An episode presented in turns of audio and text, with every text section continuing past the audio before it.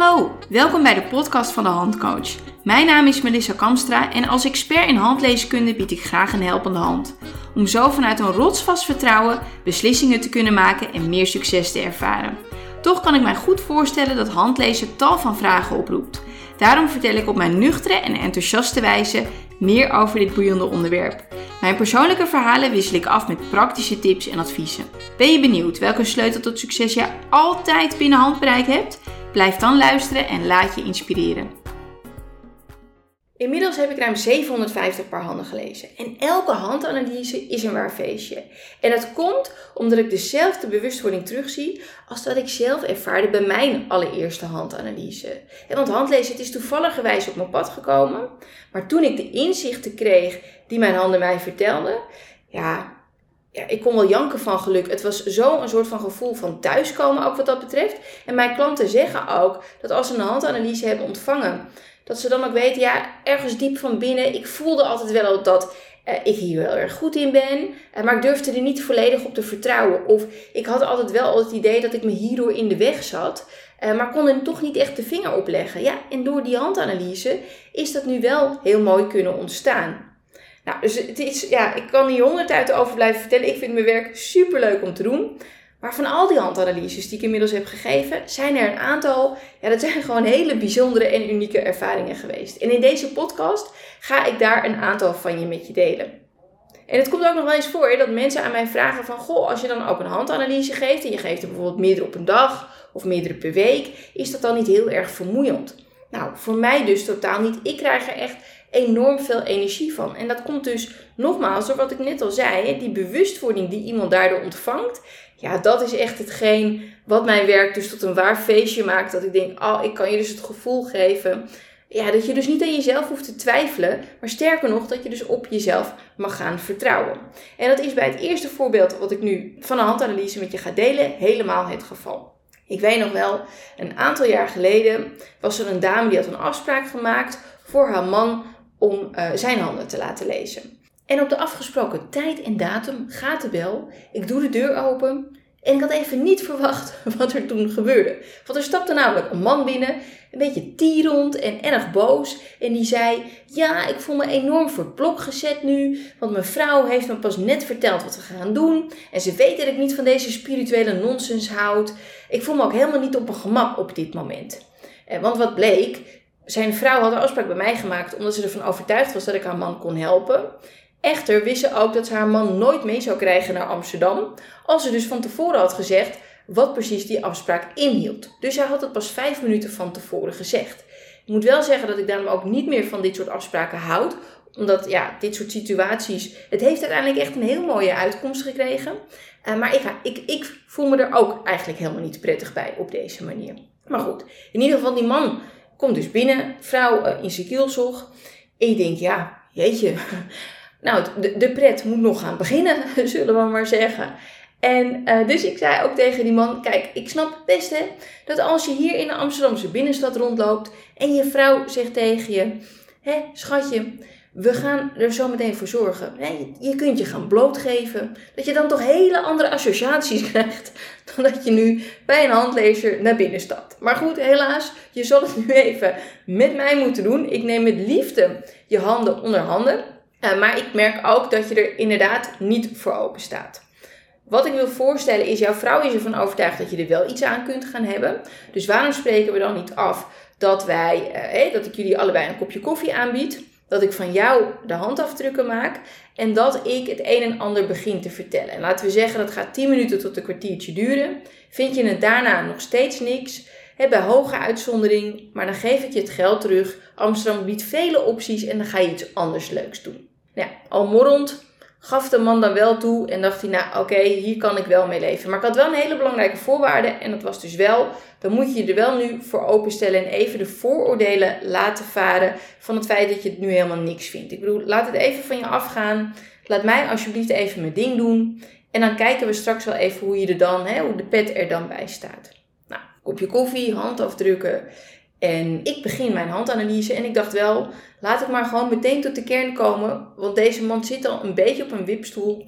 Ehm, en ehm, ja, ik zag eigenlijk ook direct dat ik de man eh, kon gaan helpen. Ik had geen uh, voorgeschiedenis van de man gehoord. Hè? Dat had zijn vrouw ook helemaal niet verteld. En wat ik dus direct zag, was dat de man zichzelf nog in de weg zat. En zeker op het gebied van werk.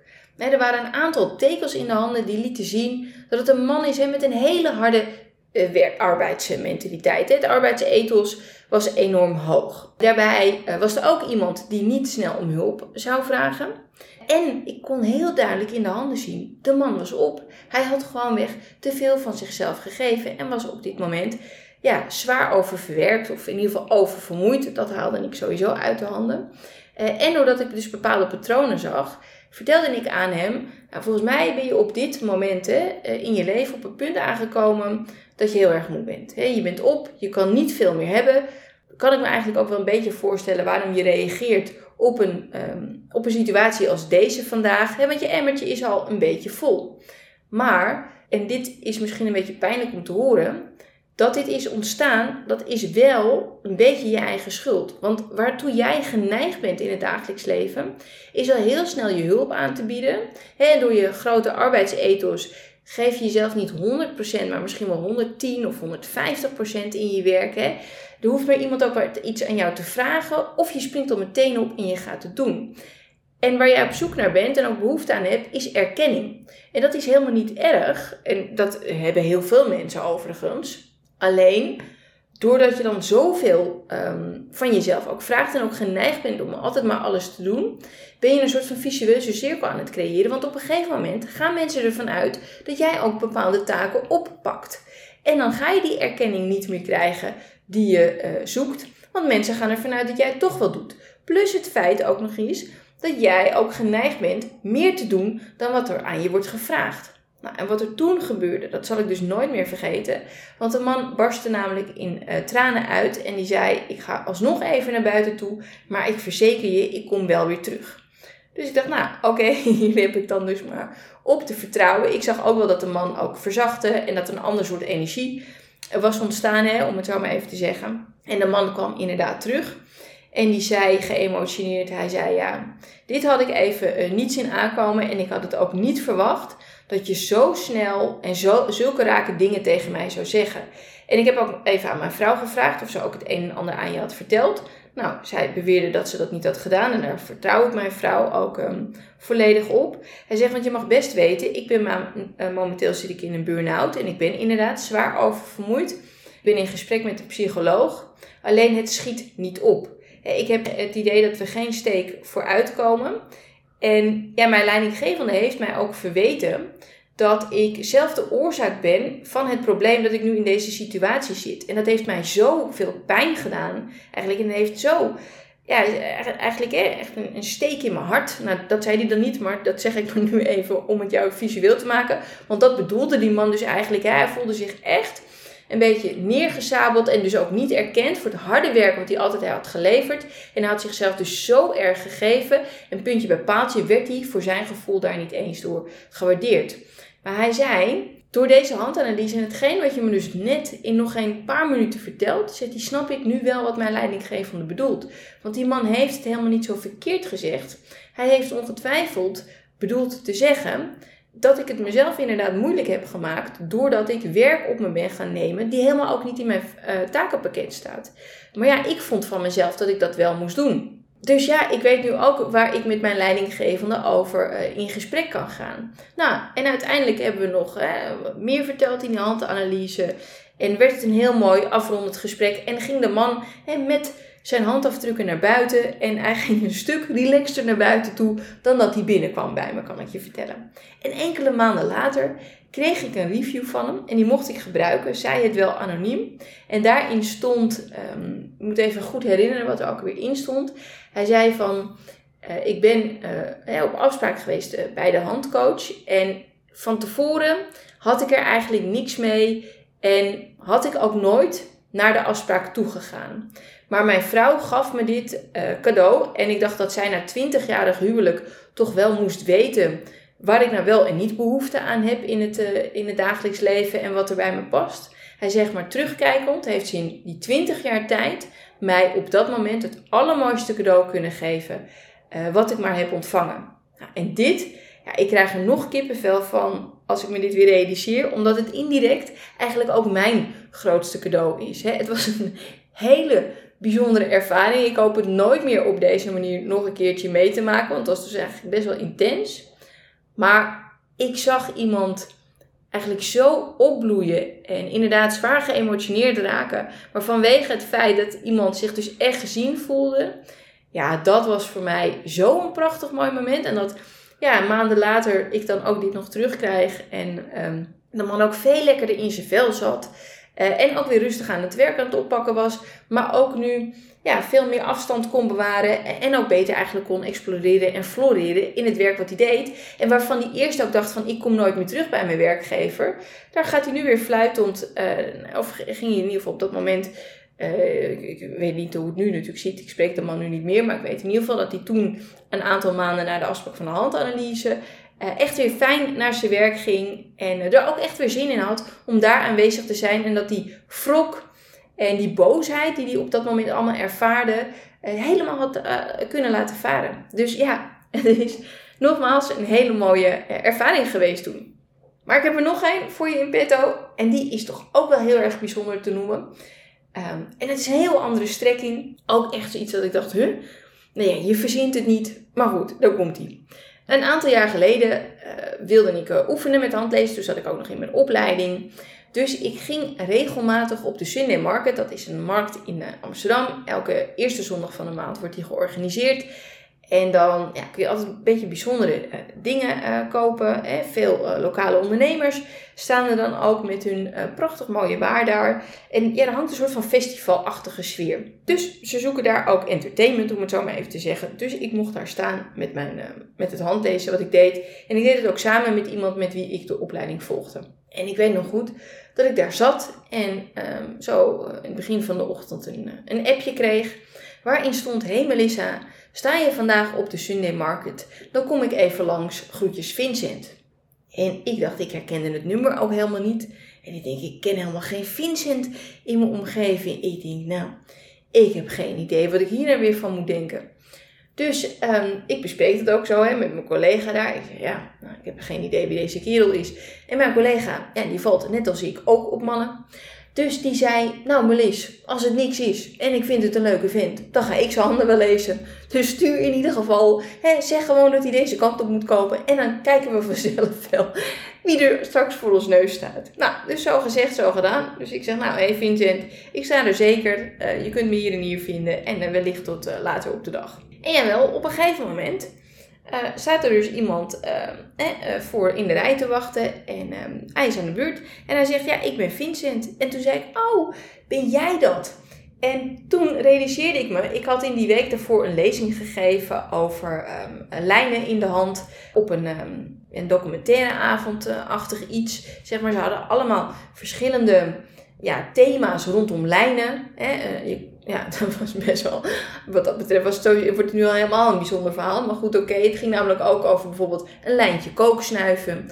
De Schiphollijn, iemand die daar werkte, mocht wat vertellen. En ik mocht dan weer wat vertellen over lijn in hand. Dus het was heel divers. En deze jongen was er inderdaad aanwezig. En waarom heb ik deze jongen onthouden? Omdat hij namelijk prachtig mooie blauwe ogen heeft. Want wie was het nou? Mocht je dus het programma First Dates ook kijken, dan heb je dus die barman Vincent en met die hele mooie blauwe ogen. Toen presenteerde hij trouwens dat programma ook nog helemaal niet. Maar ik vind het altijd tot op de dag van vandaag zo'n mooi verhaal wat dat betreft. Omdat ja, dit was een soort van blind date handlezing. En dan is het ook nog eens met deze Vincent, die uiteindelijk de barman werd van First Dates, wat een soort van blind date programma, uh, datingprogramma op tv is. Maar goed, uh, hij stond wel voor mijn neus en ik dacht wel, tegen mijn collega, nou vriend, um, ja, deze ga ik toch echt even zelf de handen van lezen. Vind ik zelf veel te interessant. En uh, ja, het werd een hele leuke handanalyse. Mooie dingen ook uit de handen gehaald. En uh, ja, dus zo'n ervaring kan het dus ook zijn. En hij was eigenlijk ook heel blij, want hij zei van ja, ik was heel enthousiast, enthousiast uh, naar aanleiding van het verhaal wat je vertelde tijdens die documentaire avond. En hij zei, ja, nou, ik vond het zo leuk dat ik dacht, nou, ik ga je meteen even opzoeken uh, dit weekend. En ik kom even bij je langs om mijn handen te laten lezen. En hij zei, ja, ik ben ook heel erg blij dat ik dat heb gedaan. Dus ja, hè, nogmaals, het was een waar feestje toen ook. Dus nou, wat mij betreft, hè, ik heb hele, vele handen mogen lezen en ik hoop nog heel veel van dit soort mooie, bijzondere ervaringen mee te maken. Wellicht komt er dan nog eens een keer zo'n andere podcast met dingen die ik wil delen. En ik wil afsluiten met het feit dat uh, mij ook nog wel eens de vraag wordt gesteld van, nou, nou, je hebt dus al zoveel paar handen gelezen, maar van wie zou je dan nog de handen willen lezen? Van welke persoon, eh, wie staat er dan hoog op je lijstje? En ik moet dan toch zeggen, ik heb daar wel eens over nagedacht, dat ik denk, ja, om heel eerlijk te zijn, het klinkt een beetje cheesy, maar ik zou wel elke hand willen lezen, omdat ja, iedereen heeft toch unieke kenmerken en kwaliteit en talenten en ook weer de uitdagingen waar je tegenaan loopt. Dus al zou misschien een lijn hetzelfde zijn, het is toch nooit hetzelfde verhaal, omdat iedereen gewoon een unieke persoonlijkheid heeft. Maar er is toch één man waarvan ik denk, ja, die staat wel wat hoger op mijn lijstje. En dat is namelijk John de Mol. Ik heb een keer een interview gelezen uh, van, uh, van een werknemer bij hem. En overigens ja, wordt dit verhaal wel vaker verteld. Maar goed, ik ken de man niet en ik heb ook nog nooit voor hem gewerkt. Dus dat wordt dan wel weer een beetje lastig. Want dit is, ja, mooie, mooie woordspeling weer. Het zijn weer verhalen uit derde hand. Desalniettemin vind ik het dus nog interessanter om de zijn handen te mogen lezen. Omdat er wel wat vaker over John de Mol wordt gezegd dat het een man is met een nogal sterke eigen mening. Die, uh, ja, als hij het ergens niet mee eens is, dat niet onder stoelen of banken, uh, hoe zeg je dat nou? Duwt? Schuwt? Nou, ik weet het niet. Maakt niet uit, ik eh, hoop eh, dat je begrijpt wat ik bedoel. Hè? Als de man ergens een oordeel over heeft, dan schuwt hij dus niet om daar openlijk voor uit te komen. En niet iedereen kan dat even goed waarderen. Maar aan de andere kant heb ik ooit een keer ergens in een interview uh, gelezen van John de Mol dat hij zei: Ja, knikkers zijn er al genoeg op de wereld. Uiteindelijk heb ik toch het meeste respect voor de mensen. Of ik weet niet of je dat nou echt in deze bewoordingen hebt gezegd. Maar goed, het kwam er wel op neer dat hij in ieder geval het meeste wist te waarderen. Dat ondanks zijn nou ja, sterke mening, hij toch wel heel erg fijn vond als hij ook wel eens tegenspraak kreeg van anderen. En ik ben dus ook heel erg benieuwd, dus als ik naar zijn handen kijk, of er dan ook hè, verschillen zullen zijn tussen zijn linker en zijn rechterhand. Of dat waarvan ik denk, oh, zou die sterke eigen mening met dit kenmerk te maken hebben? Want dan weet ik namelijk enorm waar dit vandaan komt. En het is best wel, um, dat is niet veel voorkomend als mensen dit hebben. Uh, dus dan ja, word je al snel als eigenwijs gezien, als tegendraads. En dat ik dan denk, oh, zou die dat dan hebben? Ja, ik wil het van tevoren nooit invullen. Maar ik ben dus redelijk nieuwsgierig, zoals je merkt, uh, wat deze man allemaal in zijn handen heeft staan. En ook het feit, hè, dat ja, hij komt heel zakelijk over. Maar zal vast en zeker ook een hele persoonlijke en ik gok ook eigenlijk een enorm warme kant hebben. Uh, maar ja, daar zal je dan wel even doorheen moeten prikken. En ja, dus ja, John. als je luistert, je bent van harte welkom. Of als iemand hè, een keertje een soort van connectie voor me kan leggen, omdat je nu luistert naar deze podcast. Ik juich het alleen maar toe. Zo sowieso zijn eigenlijk wel wat zakenmensen uh, waarvan ik denk, ja, hè, uh, je ziet een bepaald beeld natuurlijk van uh, succesvolle mensen. en dan wordt er ook met succes moet je keuzes maken, is niet altijd even makkelijk. Hè? Men vergeet ook wel eens dat leiderschap hè, en succesvol willen zijn niet zozeer gaat over het ja zeggen tegen bepaalde dingen, maar ieder nee zeggen, heel goed grenzen bewaken. En ja, dat is niet altijd even makkelijk, want met nee zeggen, ja, dat levert meer weerstand op dan op alles ja en amen zeggen natuurlijk. Maar ik weet zeker dat al van die succesvolle mensen en die zakenmensen, ja, daar ook een, een hele persoonlijke touch in zit. En misschien zijn ze zich daar helemaal niet van bewust of voelen ze zich juist daarin niet soms uh, gezien en erkend. Uh, dat zal heel veel te maken hebben met het verschil tussen de linker en de rechterhand. Ja, en als ik daar meer inzichten over kan geven aan iemand, uh, misschien is het ook wel alleen maar buitenkant. Het kan ook echt heel zomaar zijn dat iemand zichzelf een hele zakelijke rol heeft aangemeten, van, maar van binnen heel erg onzeker is. Maar misschien ook helemaal niet. Nou goed, I don't know. Uh, ik zou het in ieder geval heel erg interessant vinden als ik wat meer van dit soort handanalyses ook zou mogen geven. Maar nogmaals, ik begon er al mee. En ik eindig er ook weer mee. Elke handanalyse is voor mij een waar feestje. Dus als je nu luistert en je denkt ik ben eh, zakelijk nog niet zo succesvol als dat ik zou willen zijn. Of ik ben het eigenlijk al. Maar ik zou meer over mezelf te weten willen komen. Dan zou ik zeggen, ja, kom gewoon een keertje langs. Maak een afspraak voor een handanalyse. Uh, want het gaat je zoveel inzichten opleveren voor de rest van je leven. Ja, je, je creëert je eigen handleiding waar je altijd op kunt terugvallen. Ik spreek uit eigen ervaring. En ik kijk er naar uit om jou dat eh, ook te mogen bieden. En sowieso kijk ik al helemaal uit naar een volgende podcastaflevering die je kunt gaan luisteren. Dus graag tot dan. Dank voor het luisteren naar weer een nieuwe aflevering van de podcast van de Handcoach. De podcast die jou laat inzien welke sleutel tot succes jij altijd binnen handbereik hebt. Vond je deze podcast waardevol? Laat dan een review achter in de podcast-app. Of deel jouw ervaring en inzicht op social media. Vergeet er niet de handcoach te taggen, zodat ik lekker kan meegenieten. Graag tot snel bij een volgende aflevering.